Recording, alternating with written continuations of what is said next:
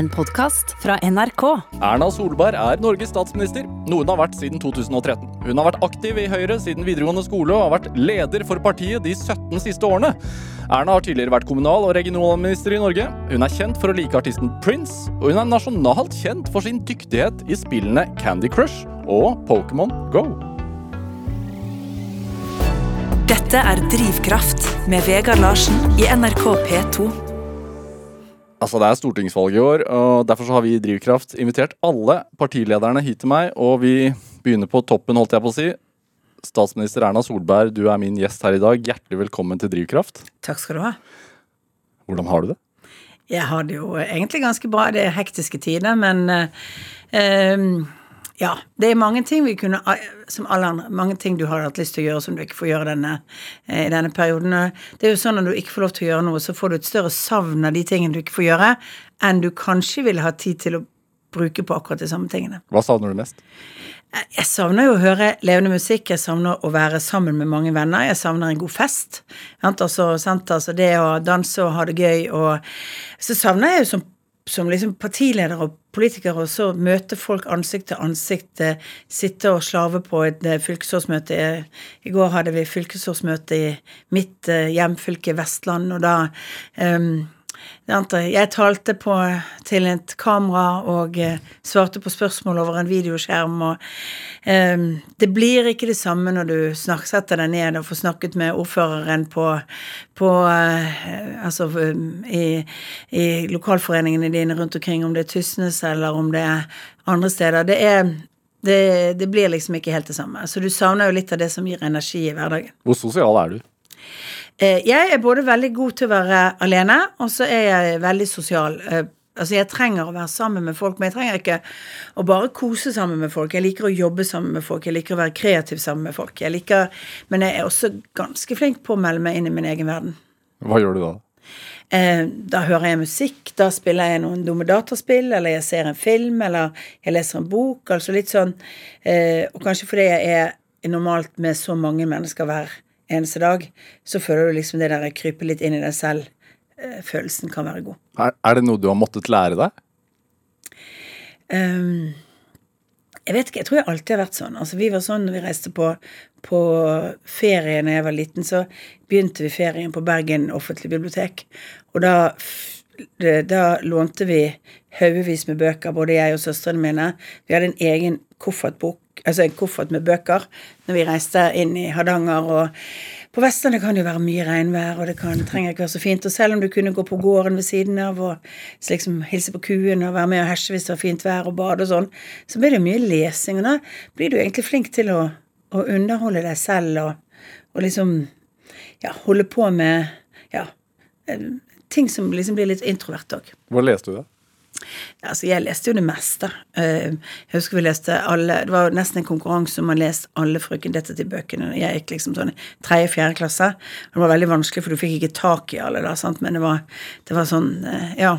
Og de var jo Sånn sett i ettertid så var det jo ikke akkurat høy litteratur. Men jeg begynte ganske tidlig å lese uh, voksnere bøker. da, Jeg lånte bøker av min bestemor og sant, så på uh, Ja Eh, for å fylle litt sånn hvite begjær og annet.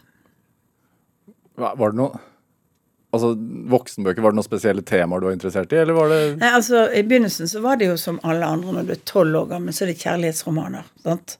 Eller 'Tatt av vinden', husker jeg. Noe, jeg hadde lest 'Tatt av vinden' da jeg var elleve år gammel, eller noe sånt. i lest den, ikke sett filmen, men lest den. Og sånn, sant? Og det var jo for den sto i bokhyllen til min bestemor, som bodde i andre etasje som, i det huset jeg bodde i, og jeg hadde også rom i andre etasje, så, så det var liksom litt enkelt å gå. Uh, vi delte bad, så, kunne, så kunne det var enkelt å gå over og hente. Så Eh, nei, så det, jeg tror det var litt sånn du leste ting du kom over. Jeg husker jeg leste 'Pesten' av Albert Camus da jeg var veldig ung og skjønte ikke så forferdelig mye av det. Og jeg har lest den på nytt etterpå, fordi at det ble litt sånn eh, Ja. Har du lest den nå? Ja, jeg, har lest den, jeg leste den da jeg var student igjen på nytt. Ja. Men jeg har ikke lest den nå. Eh, men jeg har da lest den to ganger, og forsto kanskje mer av den da jeg var student, enn eh, en nå. Hvordan sover du? Jeg sover ganske godt. Jeg er litt dårlig på å legge meg. Det er litt kanskje fordi at jeg eh, har en ja, um, ofte jobber du mye, og så skal du koble litt av, og så skal du gjøre ting, og så blir du hengt opp i det du gjør.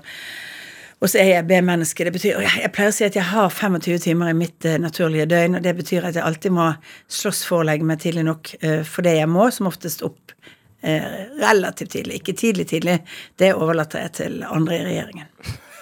Men, Utenriksministeren er verdensmester på tidlig oppståing. men hva er B-menneske? Hva er seint, da? Nei, det betyr jo at eh, jeg forsøker å legge meg før tolv på vanlige dager, og klokken har ofte tikket over det. Og når du skal opp eh, klokken halv syv, så blir det akkurat litt lite, så jeg sover litt mer i helgene hvis jeg har tid.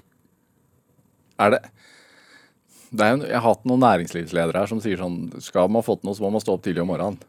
Helst ut og svømme i fjorden, eh, uansett eh, vær og forhold, før klokka er seks. Får gjort ganske mye hvis du lar være å legge deg òg. Det, nei, altså det er sånn Det er sånn, sånn som jeg sier, fjolleri. Er mange, altså folk må leve den rytmen de har selv, Ja. og de må gjøre den, den, det, den rytmen de har. Så den der eh, asketiske, pinslige biten som liksom er en sånn det norske idealet, den syns jeg av og til blir litt overdrevet. Ja. Ja, det er det. Det er jo ikke sånn altså det er jo en, alle, med alle som er B-mennesker, har vokst opp med å ha litt dårlig samvittighet for at de er B-mennesker. Tenkt at de skulle begynne tidligere og gjøre mer. Jeg har drevet svømmetrening om morgenen når jeg gikk på på ungdomsskolen. altså Jeg drev med aktiv svømming i noen år. Det var jo et ork. Jeg har gått med Morgenavisen. Sant? Altså levert ut Morgenavisen på det som sommerjobb og ellers. Det var et ork. Du kan hvis du vil, men du blir ikke et bedre menneske av det. Nei, hva gjør deg til et bedre menneske, da? Eh, det er jo at du er opplagt nok til å kunne se folk rundt deg. At du, ja. at du har ro med deg selv. At du ikke stre, hele tiden skal strebe etter de idealene som noen andre setter opp for deg. Det tar litt tid å bli voksen nok til å innse det. Men det slår meg altså, Du er statsminister. Da, du er sjef for mye. Ja. Hvordan Men det, det slår meg at du ha, har en voldsom ro. Ja. Hvor, Eh, ja, jeg har jo jeg har fått det. det. Det er vel en erkjennelse av at eh, jeg opplever at, eh, at man er god nok. Altså litt sånn Altså den eh, du, Jeg tror du blir litt eh, Vi har alle vært igjennom de tidene i livet hvor du føler at du skal gjøre mer, strekke deg lengre, gjøre ting. Og det, kan, det har jeg fortsatt følelsen av at du skal alltid egentlig ha gjort en, en jobb enda litt bedre. Sant? Jobbet enda litt mer med det manuset. Sant? Flikket enda mer på formuleringene. Samtidig så vet du jo at det er en balanse i alt dette. Hvis du skal mestre en stor mengde med arbeid, Ja. så må du på en måte ha roen i det. Du får gjort mer ved å ikke være kavete enn ved å være kavete. men har du en innstilling som Altså, jeg er fra Serp, eller Sarpsborg, da. Og da, da sier vi sånn Det ordner seg. Nei, det har jeg ikke nødvendigvis. Uh, jeg mener at hardt arbeid er viktig. Altså, det har jeg alltid gjort. Jeg har alltid jobbet mye. Men eh, eh, jeg, jeg mener at du uh, du må av og til du må stole litt på ryggmargsrefleksen, på intuiteten din, det du utvikler over tid. Liksom ikke holde på med alle de andre sine skjematiske oppskrifter for hvordan ting skal være. Men merker, kan du merke litt sånn altså, Du er et menneske, du også, selv om du er statsminister. Du, du blir jo sliten, du også. Ja da, og jeg blir sliten, og jeg blir eh, Så jeg pleier å si at jeg blir litt snappy. Jeg blir litt sånn Hvis jeg blir irritert fordi at folk liksom åpenbart burde ha gitt seg på, på å bli ferdig Altså sånn sett ting, gjort ting, eller eh, beskjeder du har gitt, ikke fulgt opp og sånn, så kan du jo Hvis du er litt sliten, så blir du litt kort og litt eh, Men jeg er ganske fort ferdig med ting. Jeg er ikke sikker på om alle andre er så fort ferdig med ting, men eh, Og det er en av de tingene du må lære deg. Altså hvis du er bergenser, og det kan høres litt sånn rart ut at vi bergensere sier, men det er noe med lynnet og måten bergensere er på. Vi er veldig direkte. Vi er vant til det. Det er liksom tonen og omgangsformen. Og tåler Og vi tåler tilbake. tilbakemeldinger. Det vi syns er veldig rart, det er sånne indirekte små ting som du sitter og lurer på. Hva mente de egentlig? Si nå hva du mener, da. Sant? Ja. Og det jeg har måttet lære meg, er jo at det er ikke alle som tåler direkte tilbakemelding. Sant? Det er jo en av de tingene som du litt sånn Du skjønner etterpå at eh, eh, noen har gjort ting til en big issue. Fordi, fordi du har vært litt tydelig tilbake til at det ikke holdt mål, eller et eller annet sånt. Og så eh, ja, så er de kanskje ikke vant til å få den tilbakemeldingen. Når i livet lærte du det? Eh, Jeg, har jo, jeg lærer litt hver gang. Jeg lærte litt når jeg var i begynnelsen da jeg var leder i Høyre. Ja. At var, vi var det tøffe tider, og jeg kunne være litt tøff tilbake til noen. Og, eh, Folk fra Østlandet tålte ikke Eh, ja, altså det, altså det er forskjell på folk. Sant? Altså, det har ikke bare med hvor du kommer fra. Men du merker at den tonen ikke er eh, De er oppvokst i en litt annen kultur, hvor man ikke sier ting så direkte. Og så er dette veldig firkantet og skjematisk rundt andre folk. Men du merker liksom at noen er med. Merker at jenter ofte tar til seg og lurer på dobbeltheten i ting mye mer enn det menn gjør. Eh, grubler mye mer over tilbakemeldinger. Ja. Er det Altså Jeg har eh, ingen ambisjoner om å bli statsminister, så jeg vet ikke hvordan det kommer til å være å sitte Altså jeg vet ikke hvordan en hverdag er for deg. Hvordan, hvordan er det? Kan du, kan du beskrive en helt vanlig hverdag? Ja, nå er det jo litt mer vanlig enn de pleier å være, for vanligvis så reiser jo jeg mye. sant? Det er, den ene dagen er det et internasjonalt møte, den neste dagen er det, en, er det liksom rundt å reise i Norge, og så er det regjeringskonferanser og sånn, så det er liksom ikke helt like dager. Nei, men sånn nå Men, nå, men sånn som noen, med nedstengning og alt, så er det jo Jeg kommer på kontoret, og har morgenmøte, og så er det jo gjerne eh, smekk opp med ulike ting som skjer i løpet av dagen. Eh, Det kan være noen dager, vanligvis på torsdager, så har vi jo regjeringskonferanse. Da begynner jeg dagen med Da har jeg brukt kvelden før til å lese eh, regjeringsnotater og forberede meg. Så begynner vi med gjennomgangen på statsministerens kontor med mitt embetsverk for å finne frem til konklusjoner som bør dras i sakene. Hvilke saker som er viktige å forsøke å diskutere, eh, og hvilke saker vi bør komme fort gjennom for å ha tid til de viktige. Og så har jeg et møte med finansministeren, og så har vi møte i regjeringen, og så er jeg begynt å bli lei sakene, for da har jo jeg vært igjennom de ganske mange ganger. Da begynner regjeringens diskusjon. Eh, sånn, men, men eh, eh, Og så er det jo sånn Noen ganger går dette med hurtigtogsfart, og noen ganger er det saker vi har knadd på et par år, nesten. sant? Altså du har begynt en sak, det har satt ned et utvalg, det har kommet en sak tilbake, den har vært på høring, sånn sånn, veldig forberedt. Akkurat nå så er det jo mesterskap i kort, rask saksbehandling eh, rundt alt som går på covid-19, og alle saker vi har hatt det siste året hvor, hvor vi har en sånn hurtigsporsak, hvor vi har møtene fungerer annerledes, og hvor det er ganske store beslutninger som tas på relativt kort tid. er det Blir du usikker av det, eller liker du det? At det er tempo? Jeg liker at det er tempo. Jeg tenkte, eh, når jeg ble kommunalminister en gang i tiden, så dette har jeg reflektert en del over. for det, hva er du engstelig for når du blir, eh, blir minister? Sant? Du sitter på Stortinget, og jeg har sittet på Stortinget i nesten tolv år. Siden du var 28 år gammel? Ja, sant? siden jeg var åtte. sant? Jeg, var blitt, jeg hadde fått to barn, jeg hadde liksom sånn eh, småbarn. Jeg var litt sånn tidsklem og, og fikk et ganske stort departement med hele innvandringsfeltet og sånn. Og så lurer du på er du god på beslutninger? Jeg visste jeg var god på å skrive merknader og dokumentforslag og ting i Stortinget. sant? Altså lage politikk, altså lage utkast til politikk, for det hadde jeg jobbet med. Men er du god på å trekke slutninger? Og da oppdaget jeg at det er jeg ganske god på. Jeg er ganske god på å si at nå er vi ferdig med denne saken. Ja, vi kan sikkert utrede en gang til, men nå fatter vi en beslutning, for det er en kostnad med ikke å fatte beslutninger. Undervurdert element i norsk politikk er én ekstra utredning koster noen noe. Altså Istedenfor å skjære gjennom og si det er ikke sikkert at dette er 100% men, og det kan være at vi hadde valgt eh, annerledes, men kostnadene, nedsiden ved å ikke fatte beslutninger, er for ofte ikke vurdert. Og da tar man for lang tid. Det gjelder lokalpolitikk, og det gjelder rikspolitikk. Kan man lære seg det, å bli god til å fatte beslutninger? Ja, for det, øh, men det er selvfølgelig Fatter du da en dårlig beslutning som du da henger med deg over lang tid, så, så eh, vil du kanskje miste den evnen litt, sant? for da blir du overforsiktig. Eh, fungerer det, så eh, så eh, så tror jeg at du også får smaken på at det er viktig. Og jeg fikk noen tilbakemeldinger, jeg husker jeg var sånn eh, når jeg var kommunalminister, at jeg fikk tilbakemeldinger fra noen utbyggere. Det var sånn, Jeg hadde boligpolitikk som ansvar, og de hadde gått rundt i hele det politiske liv, og så hadde de Alle hadde liksom applaudert litt til løsning, sagt at dette må Husbanken støtte, og alt mulig sånt. Så kom de til meg, og så sa jeg det kjempefint, men eh, vi har ingen ordninger som er innenfor noe av det Husbanken driver med til å løse disse problemene. Disse må dere, eller Denne typen modell for utbygging, denne må dere prøve i markedet. Da sa de, da hadde de gått i, i åtte måneder og trodde de skulle få statsstøtte til noe som egentlig ingen partier på Stortinget hadde planer om å gi statsstøtte, men alle hadde holdt det med god sak. De modellene de har, fungerer, fungerte godt i markedet. Men eh, Det er litt sånn, Du må skjære igjennom det. det. Da lærer du litt om kostnaden på andre siden. Og da fikk jeg via noen andre tilbakemeldinger om at de hadde syntes det var veldig leit at de ikke fikk penger, men de syntes det var greit å få en avklaring. Og det er faktisk viktig at vi gir folk avklaring. Er det Hvilke saker, eller hvilke områder er det der du, tenker at ting går litt for treigt nå, da, i Norge? Um, eh, ja, altså jeg tror jo at vi i en del utbyggingssaker går sakte. Eh, det er riktig på noen måter, for utbygging kan bety eh, at du skal legge Altså du skal sørge for at det henger sammen med utbygging av skoler hvis du skal bygge et boligområde. Du skal sørge for at du ikke bygger ned matjord. Du skal gjøre alle de miljømessige vurderingene. Sånn. Det er mange gode grunner til alt det.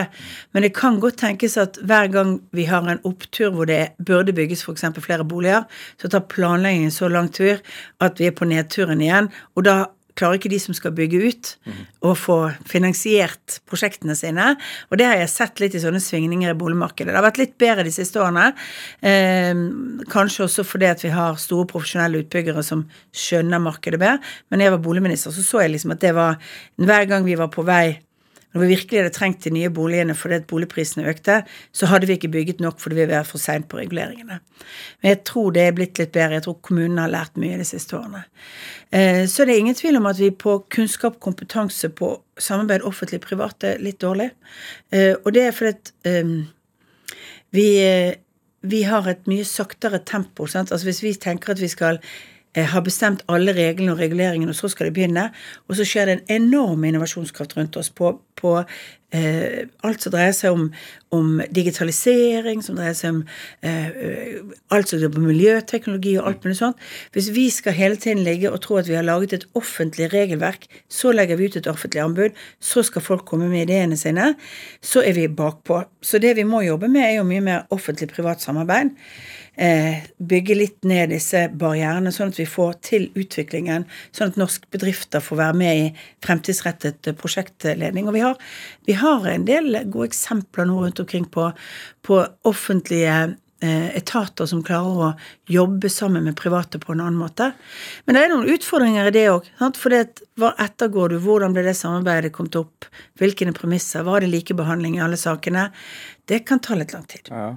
Men det, det, altså, under korona nå så sier man jo at man har altså, Vi har gått gjennom en Digitaliseringen har skjedd i ultra-hyperfart. Mm. Eh, ting som kanskje ville tatt flere år.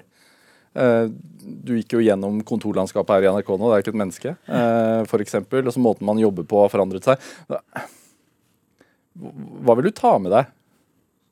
Jeg tenker at eh, det er flere ting som vi skal ta med oss fra dette. Det ene er at for det første så tror jeg vi skal være glad for I den grad vi skal være glad for at en pandemi treffer oss, skal vi være glad for at den traff oss i 2020 og ikke i 2010. Kanskje ikke 2013 heller, for å si sånn, eller 2015. Rett og slett fordi at vi har klart vi er mye mer digitalisert, vi har et mye mer distribuert nett. Vi kunne få mange ting til å fungere. Skoler har kunnet fungere, selv om de ikke fungert godt nok, og det er veldig stor forskjell på dem. Eh, men det må vi ta med oss. Vi må ta med oss at det er mulig å inkludere folk som må være på hjemmekontor. Er, vi må ta med oss at vi kan bygge en kultur hvor faktisk folk bor andre steder og jobber mer hjemmefra. Eh, det kan bety noe for desentraliseringen. Vi har alltid sagt at digitalisering kan bety mer desentralisering, men vi har ikke gjort det. Mm. Kanskje vi har fått det til nå. Kanskje vi kan tørre å ha Kanskje jeg også kan tørre å ha en saksbehandler, statsministerens kontor, som eh, bare er på jobb to dager i uken, og de andre, altså på kontoret i fremtiden, og de andre dagene jobber på eh, hjemmefra av ulike grunner. Kanskje at de kan bo litt lenger vekke. Altså alle vi kan tenke litt mer sånn. Eh, og så ser vi også farene. Hvordan, hvordan, blir vi kreative nok? Jeg tror jo at vi ikke er så kreative når vi sitter sånn som, dette, sånn som vi gjør nå, som hvis vi sitter og møtes og snakkes over kaffekam. Det er noen problemer med det òg. Vi hadde aldri klart å mestre så mye endringer som Nav hadde, uten at vi på den tiden vi hadde, og selv om vi fikk kjeft i vår for det tok for lang tid, så er det et enormt arbeid som er gjort av Nav, som vi vet de ikke ville vært i stand til å gjøre på bare få år siden med å finne de teknologiske løsningene. Så vi er jo Vi klarer å snu oss rundt og lage nye ting raskere.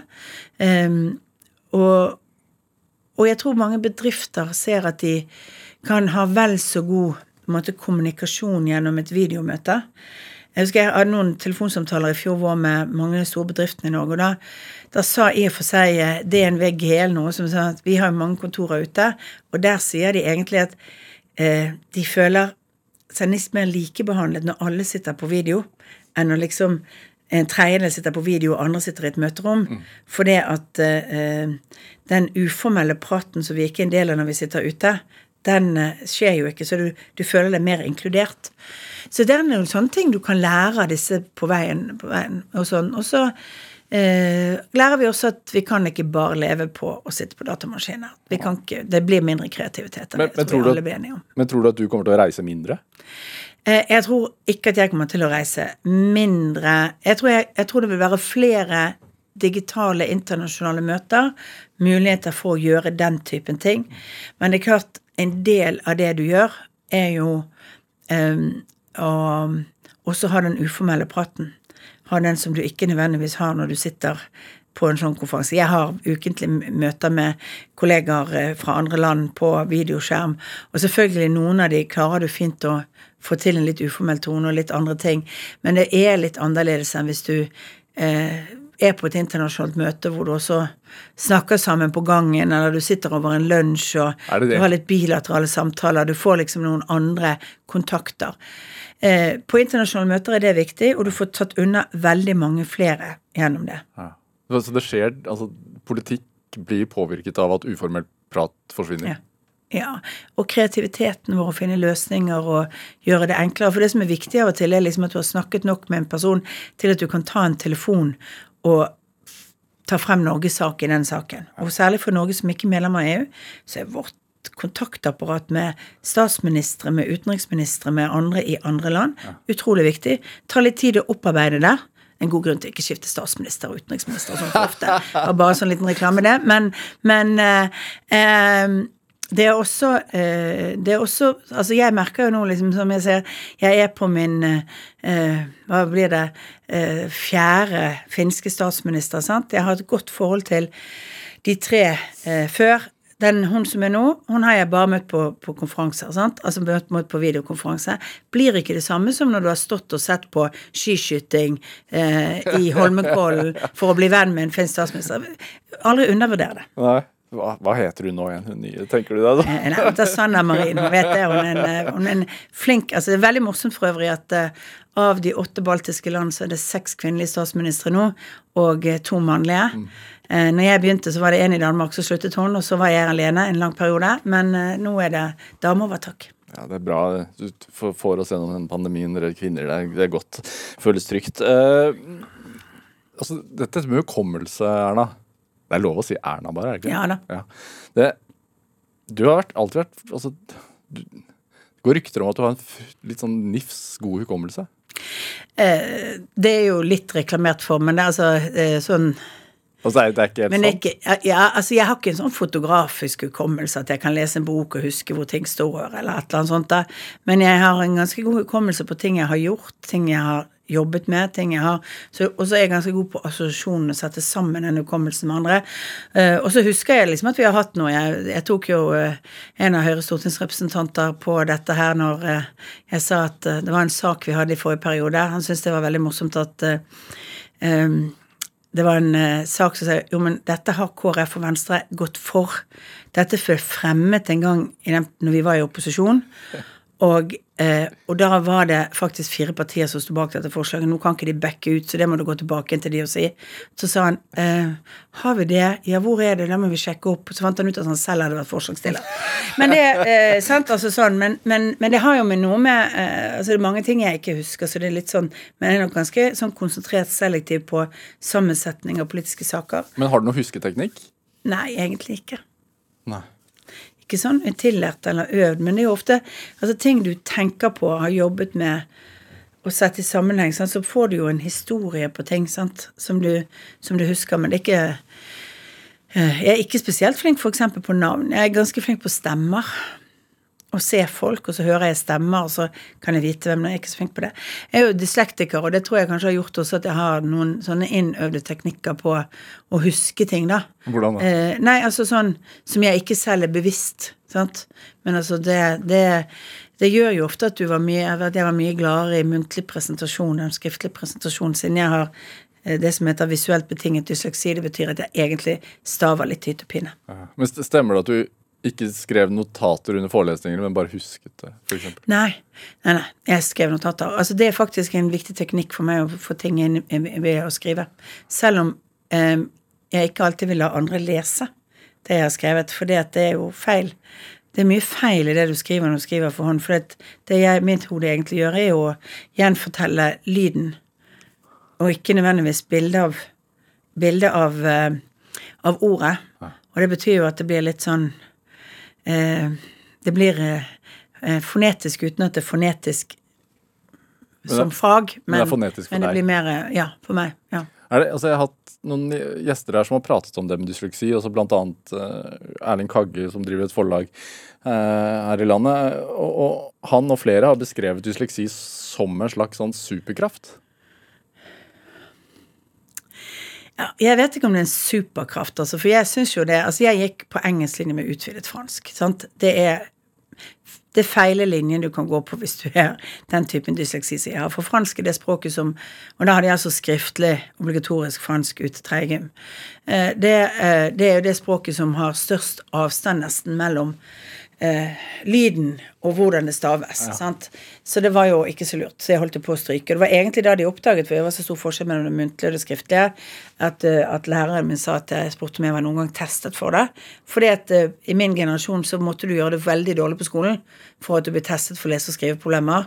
Eh, når du hadde eh, i øvre del av karakterskalaen fordi du var muntlig sterk, kunne mye om samfunnsfag, og historie og sånn, så, så ble det liksom ikke testet, selv om det var veldig sånn mismatch mellom det. For det var det jo både på engelsk og på fransk og norsk. Du, du øver det, du ender jo opp med å skrive de ordene du vet hvordan staves etter hvert. sant? Det blir jo også en sånn teknikk hvor du Og det var det fransklæreren min sa. Du har masse fint i hodet ditt ennå. eh, Men ikke forsøk å uttrykke det på fransk. Uttrykk det du kan stave. Men Ja. hadde du lært deg en teknikk for å skjule det, eller var du ikke klar over det selv? Eh, nei, jeg, eh, altså jeg, jeg tror ikke jeg skjulte det på noen måte. Altså det jeg opplevde, var liksom at jeg var um, Uh, At du fikk mye røde streker og alt mulig sånt. Og så jeg, gikk jo jeg i en skole hvor Fordi jeg ikke hadde noen særlig leseproblemer. Altså, noen vil si at når jeg leser høyt, så, så er det litt sånn lange ord og den typen ting. Det tror jeg er mer slurv enn det egentlig er dysleksi. Eller bergensk utålmodighet, eller sluking av siste bokstaver og sånne ting. Men eh, eh, For det jeg, det jeg er testet for, og som jeg har liksom dokumentasjon på, er jo at jeg har eh, Altså har dette, mangler dette skriftbildet som kommer opp. Gjenkjennelsen av Det tar lang tid, men det betyr ikke at det er umulig å lære det. Det bare betyr at det tar veldig mye lengre tid for meg å lære stavemåten av et ord, eh, og da må du bruke det veldig mye sant? enn det gjør for deg. Har det vært sårt? Var litt sårt på ungdomsskolen, og litt sårt liksom sånn eh, på, på i, noen, i noen fag, men i sum tenker jeg at jeg, jeg gjorde mye annet. Jeg, jeg var i en tid hvor kanskje ikke det definerte deg så mye som kanskje det gjør litt mer i dag. Hva definerte deg den gangen? da? Um, altså, jeg var jo både speiderleder, jeg var uh, samfunnsengasjert, uh, jeg var opptatt av samfunnet rundt meg, eh, sant, var ganske aktiv på mange ulike fronter. Og, Flink eh, pike, som, som det kalles. Eh, Eller? ikke sånn flink pike som satt og gjorde alt. Nei, aktiv. Altså aktiv, hva vil jeg heller si. Eh, det, det tror jeg er et bedre beskrivelse enn at jeg egentlig var sånn flink pike. Var du sta? Ja. Er du sta? Eh, litt sta, ja. Eh, litt eh, eh, Jeg har lært meg Men jeg, jeg er jo ikke sta på Altså, jeg er jo fleksibel òg. Sånn om jeg- er en fleksibel person. Altså sånn Jeg eh, eh, eh, Hvis jeg er overbevist om at noe er riktig, så kan jeg være ganske sta. Eh, og så forandrer jeg mening hvis jeg syns det er gode argumenter. Når skjer det? Ja? Nei, men Det skjer jo ofte i politiske sammenhenger og saker når vi har interne diskusjoner og eh, Hvor jeg er ganske absolutt på noen ting, altså. så vet jo noen rundt meg at de skal bare begynne å mekke litt rundt, og så finner de ut og Ja. Og noen ganger angrer jeg på at jeg ikke var sta nok, for det hadde vært riktigere å gjøre den veien. Og noen ganger ser jeg at andre har fått, eh, fått eh, frem til bedre løsninger. Er det, når man har den posisjonen du har, er det farlig å eh, vingle? Altså sånn å skifte mening? Ehm, jeg tenker at det som er viktig, eh, er jo at man eh, Altså, hva, hva er det som gjør at du skifter mening? Altså nye opplysninger. Eller at du kan innrømme at det var faktisk feil. Men det som er, det som er problemet med vingling, er jo hvis du forsøker å ha to meninger på en gang. At du går fra å ha ment dette til å mene noe annet og si at fordi de har gjort en beslutning om at det ikke var riktig, sant? så er det ikke etter min mening farlig. Folk skjønner veldig godt det. Altså Folk skjønner at du kan si Og jeg pleier å si vi skal aldri være forelsket i virkemidlene våre. Det er målene våre som politikere som er viktig. At akkurat den løsningen ikke var den beste. At en annen løsning kan være bedre. At tiden forandrer hva som er de gode løsningene. Det må du være liksom åpen for. Ehm, men det er hvis du på en måte forsøker å ri to budskap samtidig, det gjennomskuer folk. Og da er det sånn da, da snur du litt kappen etter vinden. Og det, den typen vingling syns jeg er, eh, er krevende for politikere å stå i. Det er min erfaring. At, man, at når man ser folk som står i egentlig at de forsøker to forskjellige budskap til ulike deler av befolkningen, eller eh, at det blir litt wishy-washy, da blir det vanskeligere. Men det er ikke farlig å si at man tok feil? Ikke farlig å si at nei, det virkemidlet fungerte ikke godt nok, f.eks. Det, Eh, Erna Solberg, vi skal spille litt musikk. Cindy Lauper, ja. 'Time After Time'. Hvorfor det? Nei, altså det er Hva jeg har lyst til å høre på av musikk, forandrer seg jo fra dag til dag. Så når jeg fikk dette spørsmålet, så tenkte jeg hva kunne jeg tenkt meg å høre i dag? Og, Ja. og dette er en sang som jeg har hatt med meg siden den kom ut. Den har jeg hatt på alle spillelistene mine. Den har jeg hatt eh, med som en sånn fin sang å lytte til, som jeg syns er, er Ja. Er både trøst og fin. Og eh, det er mange andre. Var, jeg var ikke i humør til de Let's Go Crazy med Prince i dag, sant. Som eh, en annen sånn sang som alltid er på Når hørte du på den siste? Eh, jeg hørte på den i forrige uke. Hva var anledningen? Eh, egentlig at jeg satt og leste mange regjeringspapirer, og dermed var jeg gjennom en spilleliste hvor den, hvor den var en av de. Og du hører på musikk mens du leser? Jeg jeg, på kontoret mitt så sitter jeg ofte og hører på musikk når jeg eh, sitter og leser regjeringspapirer og annet. Ja, jeg, det gjorde jeg lekser med da jeg var liten. Det gjorde jeg studerte. Så, så satt jeg og hørte musikk samtidig som jeg studerte. Vi skal høre låten også, men sitter du da leser regjeringspapirene, og så kommer det på, så nynner du? Litt sånn, ja. ja, det er så fint. Det er et veldig fint bilde. La oss høre.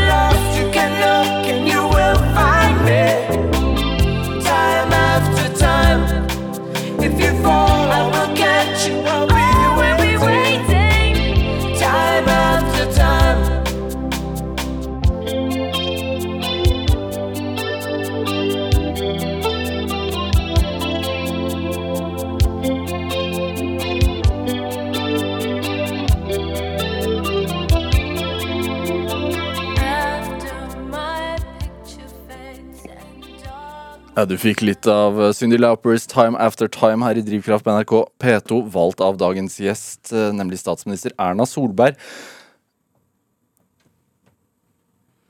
Du er fra Bergen. Mm. Kaldfare? Jeg er født på Arna, og så er jeg oppvokst i begynnelsen av Åsterveien. Det er egentlig akkurat der Kalfaret har sluttet. Hvorfor er det viktig? Nei, det er ikke eh, Altså, det er veldig viktig at man ikke sniker seg til at man kommer fra et bedre sted enn man gjør. Ja. Ja, Så Kalfaret er noen liksom fi Det stopper to hus borten for der jeg bor oppvokst. Er det viktig i Bergen? Nei, ikke lenger. Det var Det var det? Nei, altså, det, det er jo uh, eh, En gang i tiden så var jo Kalfaret liksom nært byen det peneste strøket, og så var det paradisområdet, den typen ting som liksom var litt lengre fra byen. Nå er det mange flotte steder, og de fineste husene er jo ofte lengre ute med sjøutsikt og annet, ja. Men hvordan var det hjemme hos deg? Hjemme hos Solberg? Altså Mine foreldre er jo en relativt vanlig familie med to offentlig ansatte. Min far jobbet i Sporveien og som, som trafikksjef eller merke, og som tidligere disponent. Han har hele sin karriere i, i sporveissystemet, da, altså med, med ulike busselskaper fra Indre, fra Eidfjord til Norheimsund eh, til, til Laksevåg, med fusjoner i hele denne. Det var jo, Før hadde jo hver bygd sin busselskap, og så var det jo hele 50-tallet, 60-tallet, hvor man laget større kollektivselskaper. Så han bevegde seg med det. Jeg da, jeg er da født på Arne, eh, som er nå en bydel, men det var egen kommune på det tidspunktet da jeg ble født. Det, er, eh, det er fordi at der eh, kommer min eh, farmor sin familie fra. Ja. Så hun hadde et hus der, og akkurat i den perioden, så to og et halvt år, nesten tre år, så bodde vi i Arna, i Indre Arna. Dine Rett første tre tre hjemme år? ja. Var det, var det der det var generasjonsbolig, eller var det Nei da, det var der hvor vi flyttet til eh, for, eh, i byen, på nesten Kalfaret, da. Eller i Årstadveien. Ja. hvordan, hvordan så det ut hjemme hos dere? Det var en sånn eh, 1920-talls eh, hvit eh, liten villa med eh, ja, tepper eh, på stuen, altså vegg-til-vegg-tepper. Det er jo fint. Vi har jo ja, fikk jo par, og etter hvert fikk vi jo hunder og sånn, så vi fikk jo mye hundeår i de teppene. og eh, Litt astma i familien og sånt. si sånn. Men eh, det var vel egentlig litt eh, Det var litt sånn 60-talls og etter hvert 70-talls og gradvis eh, Hva gjorde moren din, da? Min mor var jo hjemmeværende når jeg var, eller hjemmearbeidende når jeg var uh, liten frem til jeg begynte på skolen. Så begynte hun å jobbe. For det var tre søstre. Vi var tre søstre. Og så er det min eldste søster er fire og et halvt år eldre enn meg, og så er jeg tre og et halvt år eldre enn lillesøsteren min. Så det er litt sånn alderssprang, da. Men uh, min mor begynte å jobbe på psykisk helsetjeneste for studenter som uh, kontorfullmektig, da. Som, eh, som, eh, eh, som da var et eh, veldig lite eh, hun som drev det, psykologen der, eh, klubben klubbvenninne av min mor, så hun trengte ekstra hjelp i tillegg til hun kontordamen. Og der ble min mor jobbende helt frem til hun gikk av med pensjon. Eh, utvidet og jobbet mer som, eh, som sekretær for eh, ja, psykisk helsetjeneste for studenter, som jo eh, har gitt meg mye innsikt i utfordringene studenter har. Viktig å ha med seg denne eh, denne pandemitiden, fordi at eh, eh, Jeg har egentlig alltid visst ganske mye om hvor mye ensomt mange studenter kan være. Ut- Rett og slett for den erfaringen eh, som min mor har brakt med seg til, til eh, ja, familien. For hun pratet om det hjemme? Ja, hun pratet om det hjemme, altså, ikke om folk, men om liksom utfordringene og var obs på det. Jeg hadde en mor som var veldig aktiv, eh, altså sånn deltakende, og eh, jeg tenker at hun var ganske nær på, på ungdom gjennom jobben sin, og nær på våre venner. Så jeg vet jo at venner, særlig min storesøster, som hadde litt vanskeligere med sine foreldre, brukte min mor som hjelp i litt sånn kriser og sånt. Sant? Jeg pleier å si, jeg har hørt folk som sier at det var mer hjelp på, var vel så mye hjelp på forkontoret på psykisk helsetjeneste, så det var inne hos psykologen i perioder. Men eh, Hvordan merket du det, da? At moren din hadde den type empati? Eh, nei, det har alltid vært en innlevelse som jeg har opplevd både min mor og min bestemor. Tilstedeværelse. Veldig tilstedeværende i vårt, vår oppvekst ved å være eh, de, Altså Min mor var klassekontakt for min klasse, tror jeg, fra første til omtrent eller Jeg kan godt tenke seg det var et år eller to til vi gikk ut av ungdomsskolen. sant, altså, Jeg tror hun tok mitt, mitt klassetrinn på sånt. De satt i styret i eh, musikkorpset, sant, bakte 150 skillingsboller til, eh, til eh, liksom 17. mai-frokosten og sånne ting. sant, Min mor og min bestemor. Så de var, de var jo veldig delaktige i å legge til rette eh, for mye av den aktiviteten vi gjorde, samtidig som, vi, som de aldri deltok på aktiviteten sånn som foreldre gjør i dag. Jeg var, jeg var seks år og tok bussen alene til byen og drev på svømmetrening på kvelden. Bussen opp igjen, og det kostet 40 øre på bussen, og, sant, og jeg fikk én krone for bussen hver vei, altså 20 øre. Det var det NOx kostet, det husker jeg veldig godt. Men hva har, Jeg snikker meg til det. Ja. Var du arvet av det selv, da? Har du bakt 160 skillingsboller Ja, jeg har bakt det til Reddy, Reddy dugnad på Reddy har jeg bakt skillingsboller. Om det var 160, vet jeg ikke, men det var iallfall 60. Sant? Altså, jeg har bakt skillingsboller og gjort den dugnaden og sånt. Og, og det Selvfølgelig, jeg har vært i en litt annen eh, Altså, jeg var partileder når barna mine ble jo det når mine barn var henholdsvis seks uh, og eh, ja, ble det?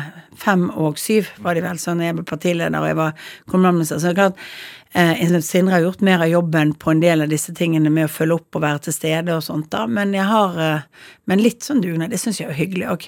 Det er sånn når jeg sto og stekte vafler i i Skøyenhallen for min eh, datter sitt håndballag, hvor vi hadde ansvar for det, så var det jo en del som lurte litt som kom fra andre håndballag og plutselig oppdaget hvem som sto i, eh, i kiosken, og det er jo gøy. sant? Men det, dette med eh, psykisk helse blant eh, skoleungdom som du, som du tar opp da Hvor bekymret er du for den generasjonen nå, her? Jeg er jo veldig bekymret for den ensomhetsfølelsen som mange får. For det, det å Ja, for den er reell. Den er reell. Det som er reelt, er at mange har reist til et universitet eller en høyskole. Har du gått Går du andre, tredje året, så har du bygget noen vennskap. Så har du noen venner å være sammen med. Du har liksom fått det året hvor du startet. Men de som kom i høst, de har ikke fått det året. Det er ikke sikkert at de har truffet så mange på faget sitt. Det kan være at hvis de bor på en studenthybel i et studenthjem, så har de liksom fått noen gangkamerater og noen andre, og de har kanskje fått en kollakviegruppe. Men særlig for de som kanskje ikke selv fremhever seg selv så mye, som selv organiserer seg, som ofte de som du må dra litt med.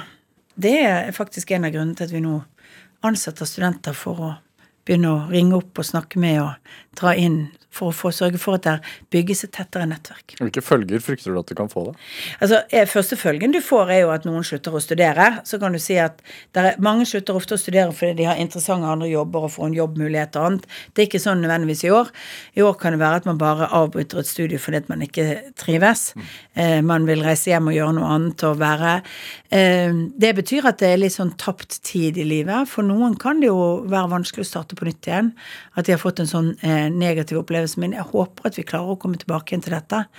Eh, og at man klarer å komme inn i, og når vi møtes igjen, så klarer man å bygge disse vennskapene, bygge den tiden.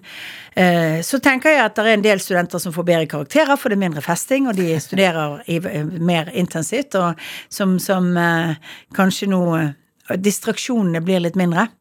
Eh, Men det er klart, eh, det, er, det kan være sår på det. På, og for de som føler seg utenfor, så er jo dette med små grupper Hvis de ikke blir valgt med i noen grupper, så er det en enda større utenforfølelse. Har du følt deg utenfor selv noen gang?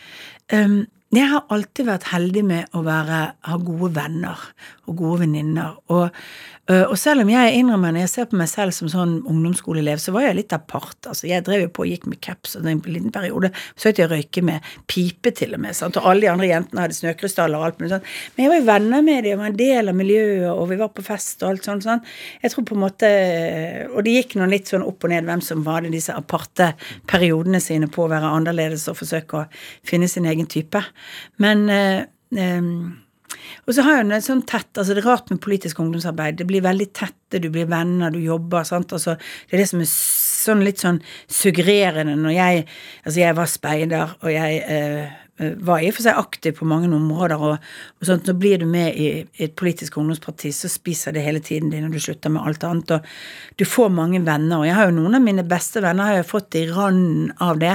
Altså eh, vært litt innom Unge Høyre, vært og sånt, vinner og sånt, og så er noen av de jeg har alltid hatt fra barneskolen. av. Hva hadde det blitt hvis ikke du ble politiker, tror du?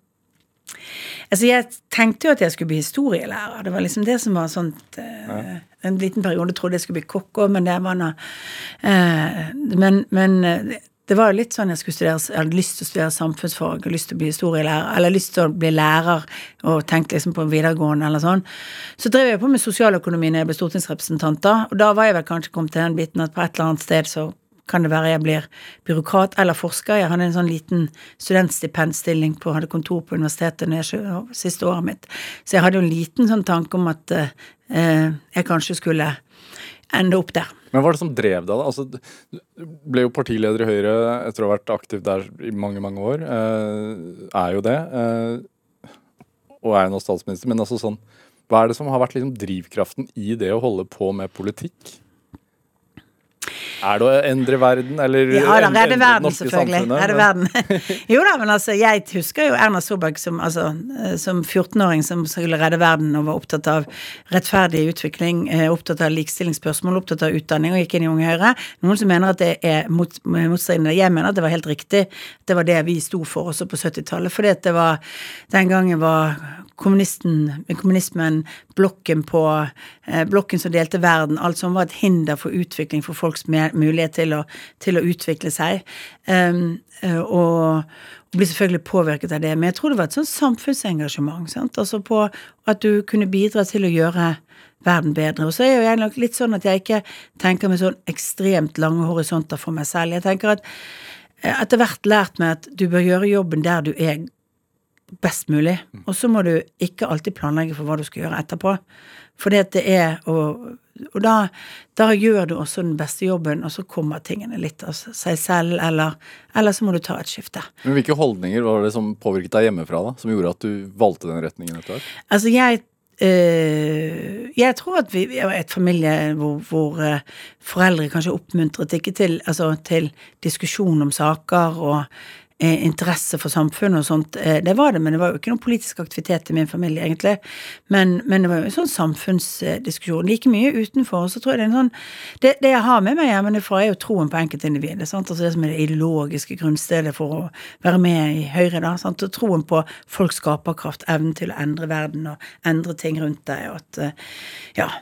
eh, System kan forandres. Hva, Ja. sa, hva sa de til deg som ga deg den troen, da? På individet?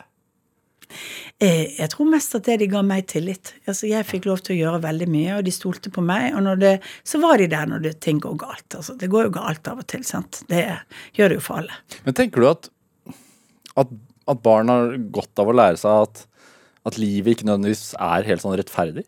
Ja. Eh, Men at du kan gjøre noe med det. At du kan på en måte bidra til at ting blir bedre. Ja. Hvordan lærte Men at, du det? ikke ting, at, at ting ikke er rettferdig, det er eh, Altså, jeg, var i en familie hvor vi delte eh, Altså hvor vi hadde Når mine fettere var sånn på stedet, husker vi var på, på sånn Da delte tanten min eh, iskremen opp med, med linjal for å vise at ingen fikk mer av hverandre. Så rettferdighetssansen var ganske stor. Men eh, Men sånn var det ikke hjemme hos deg? Eh, jo da, altså bortsett fra at storesøsteren min alltid skulle ha liksom den delen av iskremmen og sånt. Lillesøsteren min kom litt dårlig ut. Dette, dette er en familievits alltid om at hvis det var sånn iskake med sjokolade på kantene, så tok jeg og min storesøster sjokoladen på kantene, og så måtte hun ta det stykket som var uten sjokolade på. Men eh, hun lager iallfall et nummer av det fortsatt i en alder av 55 år eller sånn, så det Ja. Og, da, og da tenker du sånn Ja ja, sånn er livet. Nei da. Det kan ikke Nei, være nei, sjokolade og vi hadde, vi hadde mange Jeg tror det var mye rettferdighetsfølelse i vår familie på sånne ting. Men jeg tror at jeg tror, vi sier det at, at verden er ikke alltid rettferdig. At folk kan komme i problemer, tror jeg vi har hatt med hele livet. Og at det ikke nødvendigvis er selvforskyldt. At det kan være andre ting som skjer. Sant? Og at du skal være takknemlig for at du har det bra. Det tror jeg jeg har hatt med meg hjemmefra. Ja. Er det Bør vi være mer takknemlige? Altså, vi i Norge skal være takknemlige for at vi er født på dette tidspunktet i historien og i dette landet her. Sant? Eh, Så skal vi være eh, litt takknemlige eh, for alle som har bidratt til at vi har et veldig godt samfunn, og så skal vi være utålmodige på at vi kan gjøre det bedre. Jeg er opptatt av at vi skal være utålmodige på at vi kan gjøre ting bedre, eh, også i vårt samfunn. Er det, er det viktigst altså, Det virker som det er liksom mantraet for deg. Sånn bidra til å gjøre ting bedre. Ja.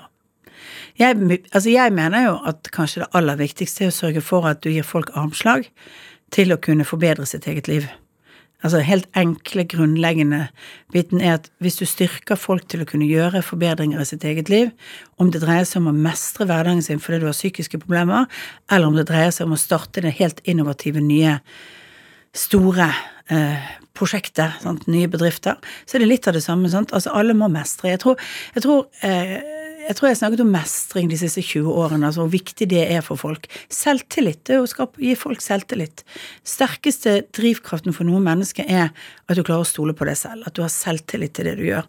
Og et samfunn som gir deg selvtillit, samfunn som gir, altså ikke overdreven selvtillit, ikke 'jeg vinner alt', men som gir deg tro på at du kan være med på å gjøre noen endringer, både i ditt eget liv og annet, det er faktisk et mye bedre samfunn. Men hvordan er det en annerledes politikk enn venstresidens politikk? Eh, fordi at venstresidens politikk veldig ofte er systemorientert. Den dreier seg om uh, altså vårt, altså Forskjellen her er jo spørsmålet hva gir individ det mulighet til å gjøre forandringer? Uh, og så kan du si at jeg vil jo oppfatte at venstresiden uh, tenker at vi har et system som skal skape disse endringene. Jeg tror at det er staten som skal skape nye sant? Altså rollen og det andre. Så jeg tror det liksom ligger så, så, så jeg enig i at venstresiden også vil det beste for barn i skolen, at de skal mestre. Men jeg mener jo at det ikke er et poeng å si eksempel som var en stor debatt når jeg gikk på på 70-tallet, så hadde vi Eva 1 og Eva 2. Dette, er, dette var alle som i min generasjon som var politisk interessert, vet hva jeg snakker om. Jeg vet ikke Ingen om. Det var evalueringsutvalget 1 og 2. Det var de som foreslo å ta vekk karakterer i grunnskolen, og stor debatt om dette, og alt mulig sånt. Og der husker jeg vi hadde en veldig interessant bit, eh, nemlig at eh, Rød Ungdom og Unge Høyre var enige om å beholde karakterene, og så var det ulikt bit innimellom her av sånn Eh, og, og, det var Rød Ungdoms utgangspunkt var liksom at eh, det var den eneste måten å Altså at, at barn av arbeiderklassen skulle på en måte kunne bevise sin dyktighet med objektive kriterier, for hvis ikke var det trynefaktoren som gjaldt. Og for oss var det akkurat det samme, at vi mente at hver enkelt skulle kunne forbedre sitt sine karakterer forbedre og ha større mulighet for å komme inn, uten at det var en trynefaktor. Så det var eh, en interessant konstellasjon, husker jeg, når vi var ungdomspolitikere og oppdaget at eh, helt ut på de kantene så traff vi hverandre i det samme resonnementet. Og der er nok litt sånn forskjell, fordi at å, å ikke se forskjeller og utfordringer og barrierer ved å ikke undersøke, vil si at det at man er oppmerksom på de, faktisk skaper utfordringer for folk, f.eks. at det er forskjell på karakterer, at det i seg selv er negativt, eh, det blir for meg en sånn feil holdning til hvordan du gjør noe med mestring. Du skal bidra til å hjelpe folk som har utfordringer i skolen. Du skal bidra til å fylle hullene deres, eh, tidlig innsats, alle de tingene. Men, eh, men det hjelper ikke. Du får ikke en bedre skole av å ta vekk kunnskapen om skolen. Nei. Hvordan gjør du dine nærmeste gode, da? Altså sånn, når det handler om mestring, altså hva er ditt Nei, vi forsøker jo å få Altså, jeg, det er jo Alle mødre er litt sånn at de vil sy pytter under armene på barna, sant? Og hjelpe dem gjennom det. Men av og til må du si liksom de må mestre tingene selv. Så må du bare være der. Hvordan da? Nei, du må bare si at sant, ja, men hvis det er noe, så kom. Sant? Hvis det er et problem, så kom. Sant? Eh, men, ikke, eh, men, men, liksom tenke at du kan ikke løse alle konfliktene mellom barna på skolen. Du kan ikke eh, Og så tenker jeg at du må utvikle empati hos barna dine. Sant? Du må se de andre. Du må på en måte Og det tror jeg faktisk at vi har vært ganske vellykket med, jeg og Sindre. At jeg har opplevd noen episoder hvor jeg ser at de tar ansvar for andre. Og det er mer verdifullt for meg enn at de nødvendigvis får de aller beste karakterene. Ja. Fikk de like mye is, da? Eh, vi jeg levde jo et altså 70-tallet versus eh, 2000-tallet. Det, det, det fikk hver sin isboks. det er jo, det er jo overflødighetshornet, vet du. Det, ja. Eh, Erna Solberg, altså du er jo en du er en strukturert dame, eh, og jobben din er jo å se fremover, ta harde valg. Eh, forhåpentligvis tenker jeg jo at du, du, du går jo for Altså, du planlegger jo for fire nye år, selvfølgelig, og sånne ting. Men ti år frem i tid, hvordan ser du for deg Norge? Um, det jeg håper er, uh, for Norge, er jo at ti år frem i tiden så er vi et land som har klart omstillingen fra oljeøkonomien til å ha mange flere bedrifter som både er grønnere, smartere, ikke nødvendigvis bare energibaserte bedrifter. At vi har et større innovativ bit, at vi har inkludert flere i arbeidslivet. Og, men det må et systematisk arbeid for å få det til. Og det er det jeg er opptatt av. At det er fint med oss som er på høyresiden i politikken, vi tror jo ikke at det finnes et utopia. Vi tror at eh, det er veien fremover som er viktig, og at du alltid kan bli bedre. Og da er det jo um, da er det jo sånn at vi må se hva er utfordringen for vårt samfunn. Og det er to ting. Vi er nødt til å ha et bredere verdiskapingsbasis i Norge. Vi er nødt til å ha flere private bedrifter. Vi er nødt til å ha flere innovative Altså løfte oss på liksom den, den skalaen. Og så må vi samtidig, og det er liksom dilemmaet det, vi må samtidig sørge for at flere av de som står utenfor arbeidslivet, kommer inn i arbeidslivet. Og det gjelder kunnskap, kompetanse, kvalifisering, eh, bedre norskopplæring for innvandrere, mange av de tingene som skal til, men også arbeidsgivere som er villige til å satse på og tørre å prøve noen som har et hull i CV-en. Og dette dreier seg både om en økonomisk grunnlag for Norge, men det dreier seg også om et samfunn som er bedre å bo i. For et samfunn hvor vi klarer verdiskapingen, men kan finansiere folk som er på trygd, men forteller folk som egentlig har et ønske om å være uavhengig, mestre livene sine, at det du får fra oss er en sjekk fra det offentlige, det er ganske stygt. Vi skulle ha plass til flere i det arbeidslivet vi har. Uh, og eh, det dreier seg Det, det syns jeg er et viktig verdispørsmål fremover. Uh, velferdsstaten har ofte vært om å sørge for at du får penger, ikke å sørge for at du kommer i jobb. Er det sånn, siden du vurderte å bli historielærer, sånn rent historisk, hvis man tenker sånn etterkrigstiden fram til i dag, er det Har man hatt en større utfordring som samfunn? Som nasjon? Eh, Norge har jo hatt en fantastisk utvikling fordi at vi hele tiden har kunnet utvikle oss mot noe som var mer lønnsomt. Vi har skiftet ut gamle ulønnsomme jobber, eller jobber med Ja, men akkurat nå, altså. sånn. Nei, altså, det er ikke nødvendigvis sånn nå. Det er ikke sånn enkel oppskrift, for nå, er det, nå er vi mye likere andre europeiske land. Vi må ha et mylder av det, men vi har et mye bedre utgangspunkt. Og det har jeg lyst til å si. Vi er bedre utdannet, mer kvalifisert, har sterke miljøer. Så vi har, vi har mulighet for å få dette til. Men, men eh, der hvor på en måte kraften i økonomien av seg selv, f.eks. når oljen kom, og de hadde råd til å lønne folk bedre, og så mistet du noen eh, Mistet du jobber eh, som var lavinntektsjobber til fordel for høyinntektsjobber, og du hele tiden har kunnet ha full sysselsetting. Det er ikke der vi er på vei. Vi, vi står foran en litt hardere tid. Helt til slutt her, Erna Solberg. 20 sekunder. Hva er din drivkraft? Ønsket om å gjøre det litt bedre hver dag. Så enkelt, så Ja, veldig enkelt. Likevel så vanskelig. Eh, tusen takk for at du kom hit til Drivkraft. Bare hyggelig. Lykke til. Hør flere samtaler i Drivkraft på NRK på nett, eller last oss ned som podkast. Send oss også gjerne ris og ros og tips til mennesker du mener har drivkraft. Send den e-posten til drivkraft-nrk.no. Produsent og researcher i dag var Kjartan Aarsand. Anne Sofie Stang bidro også sterkt til denne sendingen. Jeg heter Vegard Larsen. Vi høres. Du har hørt en podkast fra NRK. Hør flere podkaster og din NRK-kanal i appen NRK Radio.